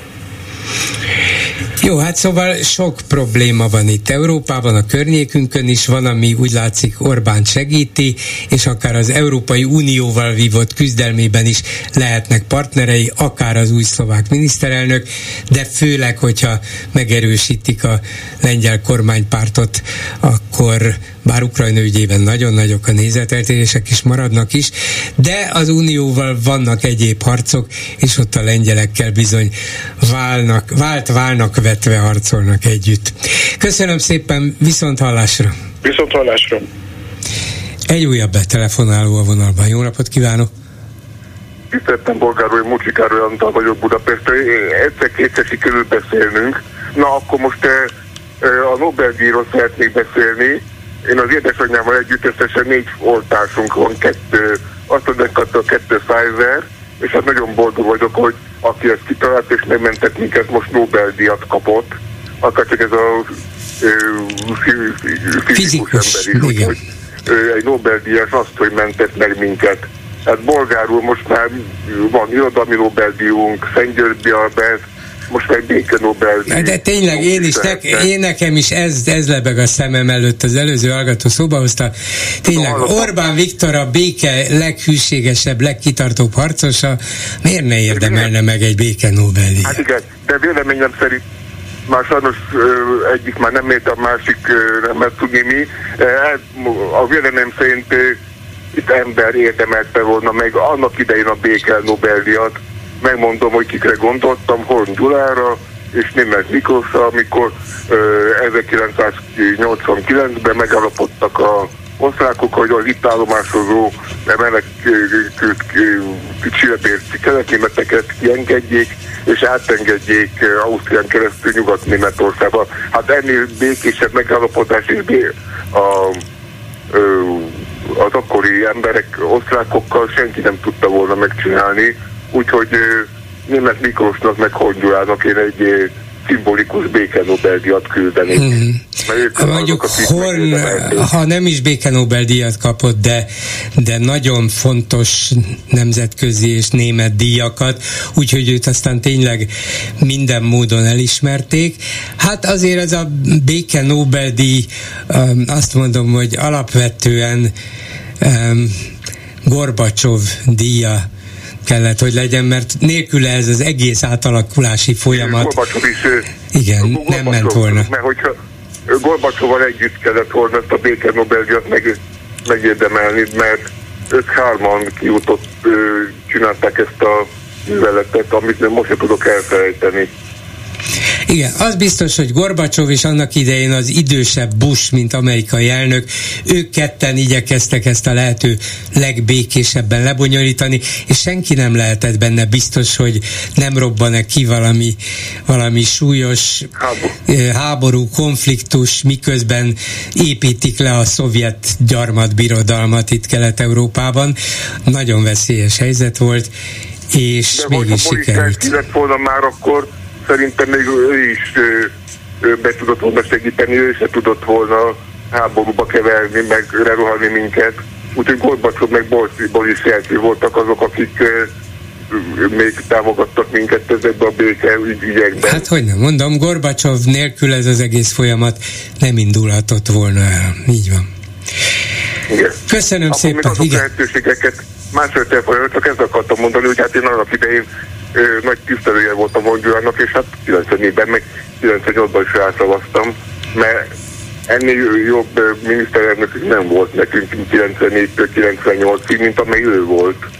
Igen, nagyon, nagyon pragmatikus volt, és meghozta azokat a nagyon fontos stratégiai dönteti, döntéseket, amelyek tulajdonképpen az egész korábbi politikájának a, a tagadását jelentették, és, és még, mégis nyilván mégis képes volt arra, hogy átlépje a saját árnyékát. Ez egy nagyon fontos politikai, politikai fejlődés történet volt, és Horn... És sajnálom, hogy 98-ban megbuktatták Hongyurat, mert hogyha nem Orbán nyert volna 98-ban, hanem maradt volna, akkor Orbán Viktor manapság már alig tudta volna annyira szétrombolni ezt az országot, mert ők, ők tudták volna felépíteni. Igen, valószínűleg sok minden másképp, másképp alakul. Hogy... Nagy vagyok Orbán. Nem tudom, hogy német Miklós él nem él, hol Él, van. él, él, él. De hát ő visszavonult a politikától. Ő, ugye el... is, de úgy, hogy hárman Gorbacsov, német Miklós, Hongyula, uh-huh. egy nagy béke Nobel-díj a számunkra. Hát igen, ezt már csak elvileg tudjuk átadni, mert ugye már... No, de, hát én szívesen oda tennék például, öm, hogy tudom, hogy hova jártam, mert a Honduran, meg ki voltam a temetésén, oda mennék a sírához, és akkor egy béke Nobel-díjas miatt oda tenni, uh-huh. oda ragasztanak, ragasztanék a sírjához, mert mert megérdemel. Mert más, lehet, hogy más miniszterelnök vagy majd akkor külügyminiszter volt a német Miklós kormányában, ezt nem tudta volna megcsinálni. Esetleg Kovács László még. Hát kellett hozzá Kovács László is annak idején, amikor Horn és német Miklós meglépte azt, amit mások, mások nem. Ez, ebben Kovács Lászlónak is szerepe volt. Köszönöm szépen, viszont hallásra. És további szép napot, Borgár úr. Köszönöm, Csizmadia úr. Melyik kérdéshez lett volna még hozzáfűzni valója? Milyen kérdések? Hát ugye volt egyáltalán mai napi. Igen, igen, a, a Nobel-díjasoktól kezdve a, az uniós felfüggesztett pénzek állítólagos folyosításaig jól jegyezte meg, hogy Financial Times sok mindent, sok mindent ír az utóbbi időben, és mintha európai ügyekben kevésbé volna megbízható, mint, két, mint a Brexit előtt. Csak egy, csak egy érdekesség kérdésként, hogy eh, tudja Bolgár úr, hogy a Karikó Katalinak a lánya milyen sportákban is milyen eredményt Eve, Evezős, kétszeres olimpiai bajnok. Azért igen, egészen hihetetlen, hogy micsoda család, nem? Hogy, Így van. hogy és akkor ugye azt szokták mondani, hogy minden fantasztikus férfi teljesítmény mögött ott van a háttérben egy nő, de nem itt egy fantasztikus női teljesítmény mögött ott van a háttérben a férj, aki nyilván meg Abszolút. kellett, hogy teremtse azt a családi hátteret, amiben a lánya is felnőtt, egyetemre járt, kiváló sportoló, hát kétszeres olimpiai bajnok, egész, egész hihetetlen. Viszont igen. akkor ezzel azt is mondhatjuk, hogy elvesztettünk két olimpiai aranyérmet is. Hát nem biztos, hogy Magyarországon valakiből könnyen lett volna evezős Európa bajnok. Amerikában ez nyilván egy kicsit könnyebb. Sok minden feltétel bizonyára más ebben is. Talán ha kajakozni kezdett volna, akkor lehet, lehet hogy bár ha bár ahogy nézem a tahópénzeknek a, a elsibolását, lehet, hogy abból se lett volna soha semmi. Igen, hát ez is. De minden esetre törekszenek arra, hogy, hogy pénz ide, pénz oda, és lehetőleg legyen oda, igen, igen, de azért próbálnak eredményeket is felmutatni, amivel igazolni lehet. Sőt, hát ugye ez a focimánia most odáig ment, hogy olvasom, hogy ma magyar állampolgársági esküdtett a magyar labdarúgó válogatott olasz kapitánya, vagy edzője Marco Rossi. Hát ő annyi, igen, igen, hogy nyilván abszolút kiváló munkát végzett ebből a válogatott csapatból, tényleg egy nemzetközileg jegyzett foci csapatot csinált, de úgy látszik annyira értékeli ő is azt a segítséget, támogatást, nyilván pénzt, amit kap ehhez, hogy azt mondja, hogy hát végül is én az edzői pályafutásom csúcsára itt és ezzel jutottam, akár akár a magyar állampolgárság is belefér, de valószínűleg kapott hozzá ösztönzést, hogy miért nem leszel kedves Márkó magyar állampolgár. Csak, csak emellett meg ugye ott van a másik oldal, hogy az egyetlen olyan focista, aki tényleg elég magasra jutott, és úgy tűnik, hogy a saját eredményei által, azt hiszem Szoboszlai, Igen. Ugye ő is külföldön dolgozott, vagy külföldön tanult, külföldön hát, volt persze, akadémiában, persze, persze. tehát hogy gyakorlatilag úgy tűnik, hogy a részünkre a siker akkor jön el, amikor valaki külföldre megy. Hát nem, nem is lehet a fociban sem nagy eredményt elérni, ugye a tudományban sem úgy látszik, Igen. de a fociban sem, hogyha valaki nem a legjobb bajnokságokban szerepel, és nem állandóan a legmagasabb fokon kell játszania, a legmodernebb technikákat mm, megtanulnia, és a legnagyobb fizikai és egyéb igénybevételt kell mindig mutatni. Szóval nyilvánvalóan nem lehet egy ilyen másodosztály vagy harmadosztályú magyar bajnokságban még a legszuperebb tehetségnek is kihozni a magából azt, ami benne van. Azt Angliában lehet, Spanyolországban lehet, esetleg Németországban. Igen, csak nézzük meg mondjuk például nálunk, hogy a teniszben ugye az történt, hogy mi szépen elloptuk a pénzeket, és ott állunk, ahol állunk, olyan százban vannak esetleg a lányok, tehát a századik, kilencvenedik. körül, igen. Így van, a, és a, nézzük meg a Szerbiát, vagy Csehországot, vagy a Szlovákiát. Jobb Szlovákia az már 5 milliós, tehát egy fele. A szlovák eh, tenisz hol van? Ott viszont úgy tűnik, hogy nem vitték el azokat a milliókat. És igen, sőt, főleg a cseh, a cseh női tenisz, igen, hát igen. lehet, hogy az első százban van 7-8 cseh teniszező, és ott van az első 20 körül. A három ilyen Grand Slam bajnokuk van. van. Vondrosová, Kvitová, Krejcsikova, és igen. akkor ott van még az ilyen második vagy elődöntős Muhova, szóval egészen parádés eredményeket érnek el. Hogy lehet, hogy egy 10 milliós közép-kelet-európai országban ez a nagyon sok pénzt igénylő sport ilyen tartósan, ilyen magas színvonalú, biztos, hogy De biztos, hogy vannak olyan módszerek, amiket ott is meg lehetne tanulni, és a szerbek a másik. De az biztos nem segít, ha ellopjuk a pénzeket. Nem, nem, nem. Szerbia, Horvátország, igen. Csehország, Szlovákia. Mellettünk. Igen, Tehát igen. azt nem lehet mondani, hogy az időjárással van baj. Vagy a. Nem, az a baj szerintem, hogy Orbán Viktor nem teniszez. Ez igen, igen. És akkor mit írnak a Facebook kommentelőink? Lőrinc Csaba van itt. Szia Gyuri, köszöntöm a hallgatókat. A Nobel-díjas, a Nobel-díjakról meglehetősen sok komment érkezett. Egészen eljutottunk Gorcsev Iván példájáig, bár ezt inkább csak a, a végére tartogatom. Az első gondolat. Ez szerint az itthon ellehetetlenített, elüldözött kérdőjelben, zárójelben egy kérdőjel, tudósaink közül kettő is Nobel-díjat érdemelt külföldön. Büszkék lehetünk rájuk, de mikor lehetünk büszkék magunkra? Erre röviden annyit tudok mondani, hogy alkalmas soha, de mikor jelentett ez akadályt nekünk? Nem, hát valahogy én onnan indultam ki a műsor elején, hogy mind a két Nobel-díjas azért Magyarországon végezte az iskoláit, még az egyetemeit is, úgyhogy kell, hogy legyen valami az ő hihetetlen tehetségükön és szorgalmukon kívül, ami megadta az alapokat. Ha ez megvolt 35-40-45 évvel ezelőtt, akkor, és ez a kérdés, megvan-e ma? amikor nem jelentkeznek például fizika, meg kémia tanárnak, meg biológia tanárnak, hogy fogja egy következő tehetséges társaság megkapni azokat az alapokat? Hát lehet, hogy úgy, hogy elmegy Ausztriába, középiskolába, vagy általános. Minden esetre megvan a nyerő stratégia, minél hamarabb ki kell őket küldeni, és várni 30 évet. Tehát ez, ez, ez így működik. És a legborzasztóbb az egészben, hogy a saját baráti körömben hallom ezeket, akiknél már kisebb gyerekek vannak, hogy már tervezik azt, hogy hova küldik ki a gyerkőcöt tanulni. Aztán a következő gondolat, M1 híradó, Svédország a Nobel-díjakkal provokálja Magyarországot. Ezzel kapcsolatban egy másik gondolat, a svédek mindig csak rosszat akarnak nekünk, engedtek a kutyapártnak, Nobel-díjat minden magyarnak. Igen, tényleg ezeket a, ez a svéd Nobel-díj bizottság, akármelyikről van szó, fizikai vagy orvosi, hát nem tudják, hogy ez a Magyarország milyen borzasztó állapotú. Így tényleg így akarnak nekünk bosszúságot okozni, hogy külföldre szakadt magyarokat díjaznak.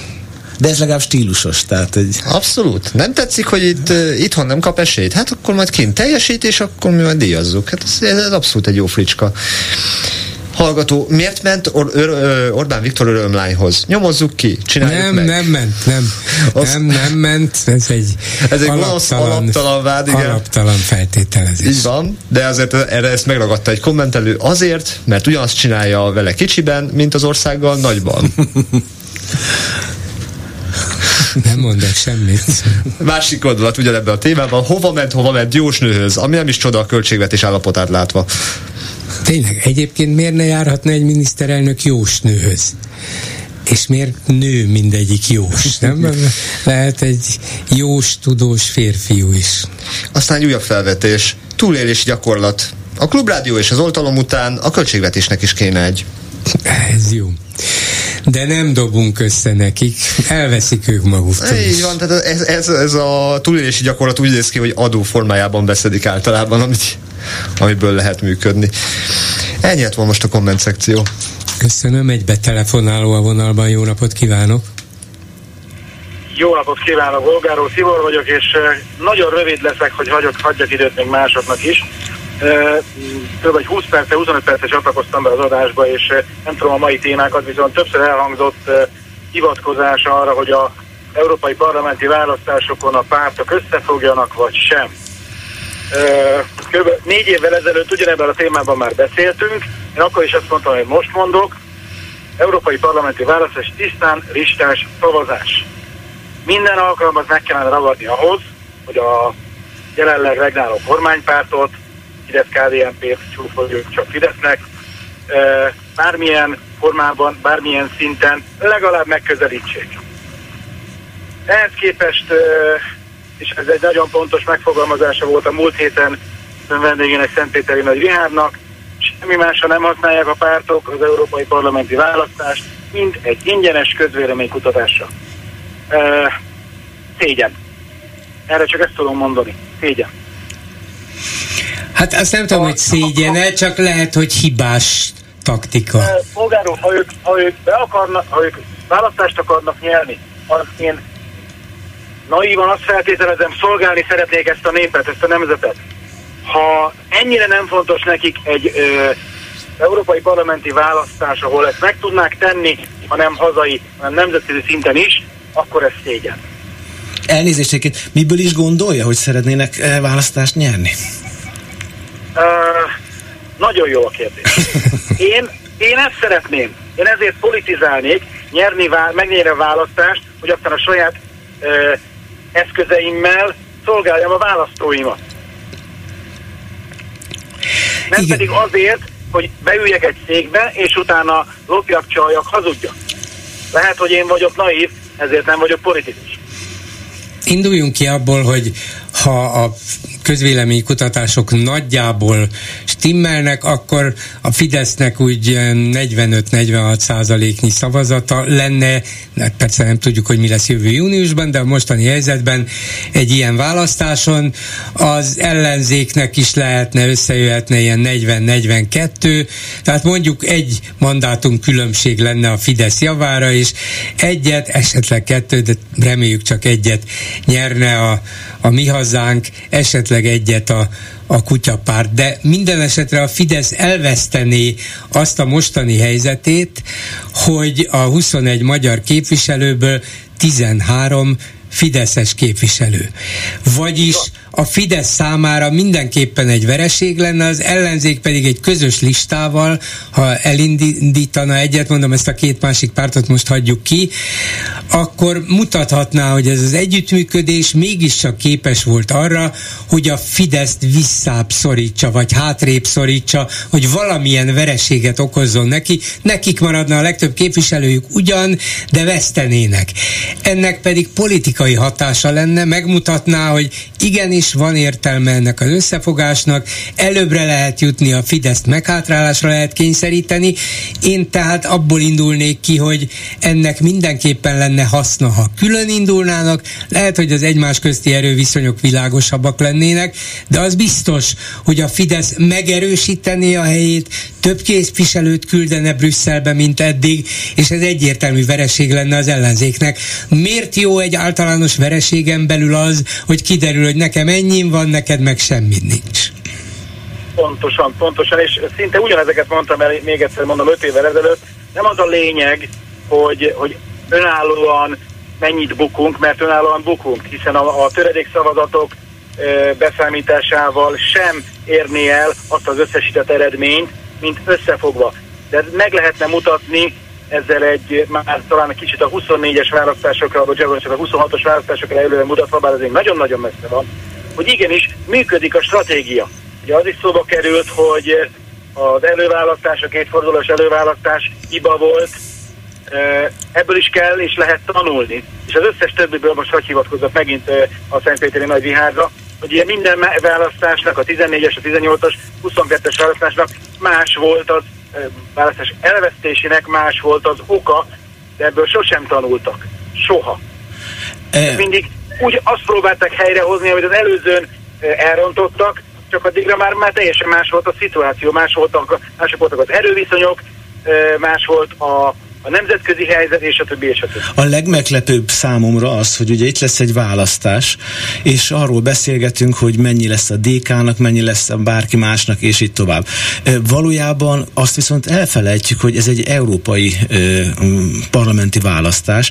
Én nem hallottam azt, hogy mik lennének azok az átütő új víziók, új ötletek, amikkel majd ők bemennének a parlamentbe, hogy mi az ő látomásuk erről az egész dologról. Tehát a valódi, valódi tartalmat, vagy a, a lényeget, az egyáltalán nem látom. Ebben csak azt látom, hogy ahogy, ahogy mondta is a Szentpéteri Ád is, hogy ez egy sima közvéleménykutatás.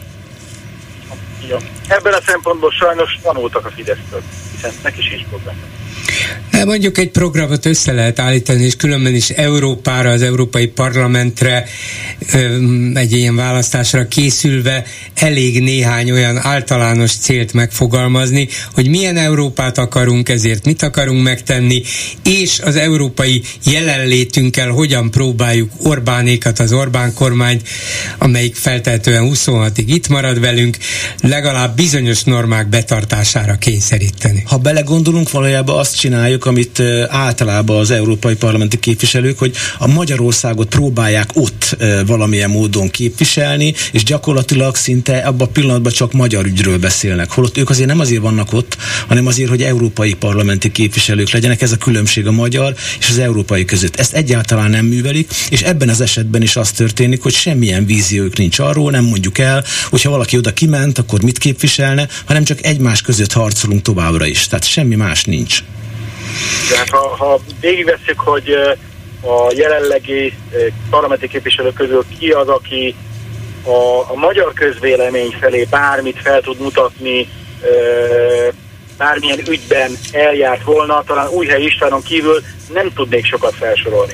Ez azért így nem teljesen jogos, mert a momentumos képviselők azért elég aktívak és elég jók. Tehát én azt gondolom, hogy az ő munkájukat azért érdemes elismerni, bármennyire is valaki akár szereti vagy nem a momentumot, ők azért nagyon sokat tettek hozzá.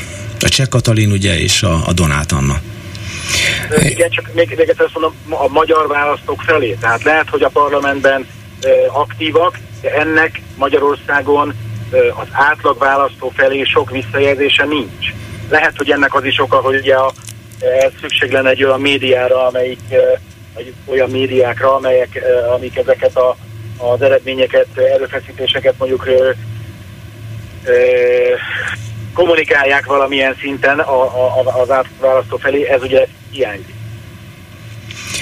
Hát igen, de ezért kéne megmutatni azt, hogy képesek együttműködni, képesek közösen fellépni, vannak közös európai és magyar céljaik. Ha ezt demonstrálni tudnák egy európai parlamenti választás előtt és azon, akkor szerintem már előbbre lépnének, több bizalmat gerjesztenének saját magukkal. És fur, furcsa módon a, a választók se érzik azt, ugye, hogy ők európaiak.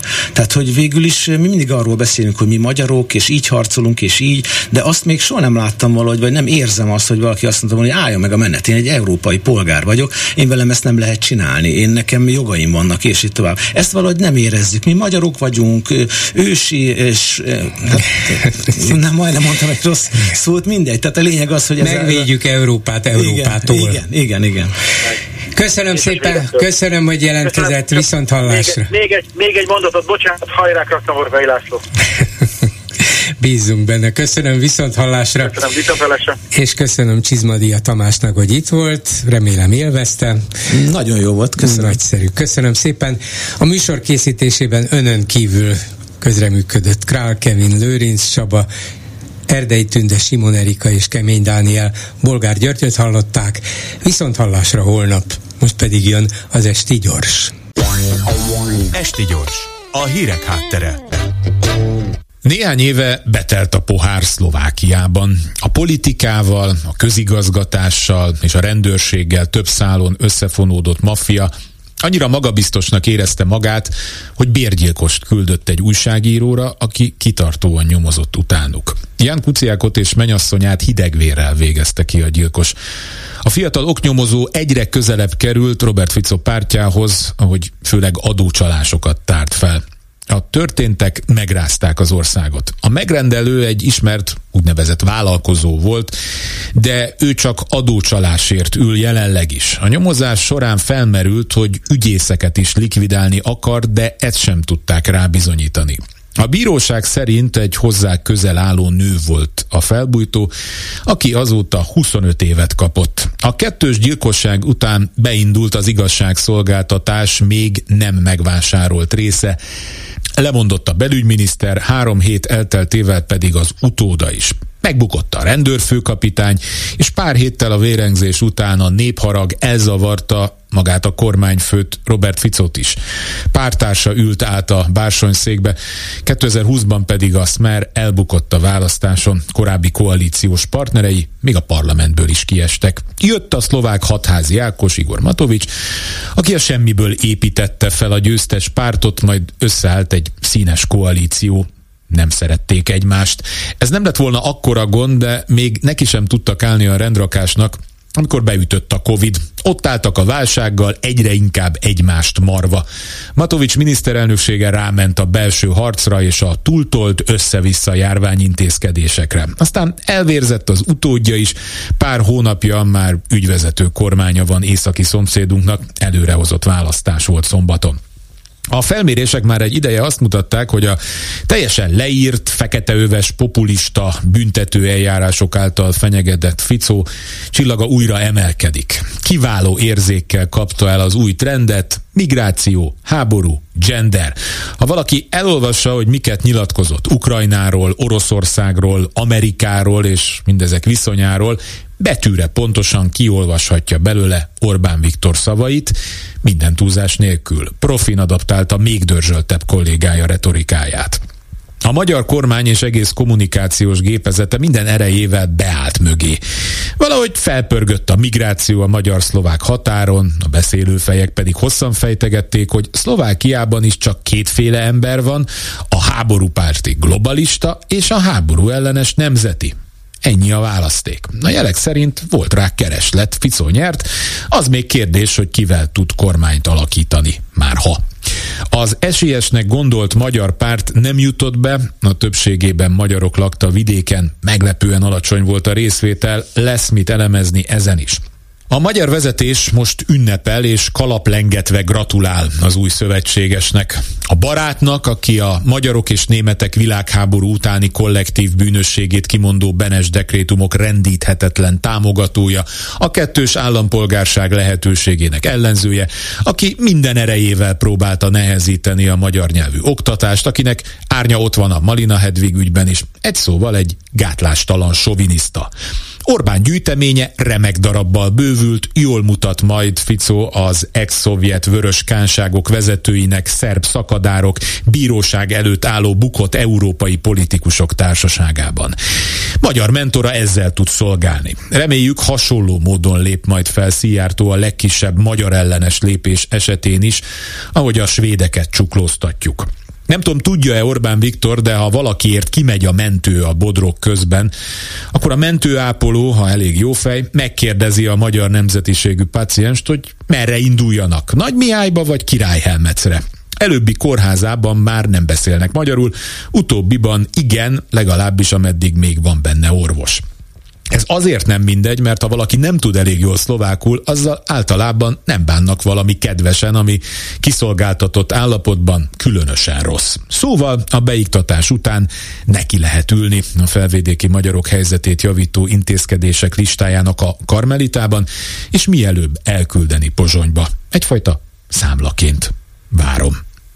Kárpát Iván vagyok, ez az Esti Gyors, a hírek után kezdünk.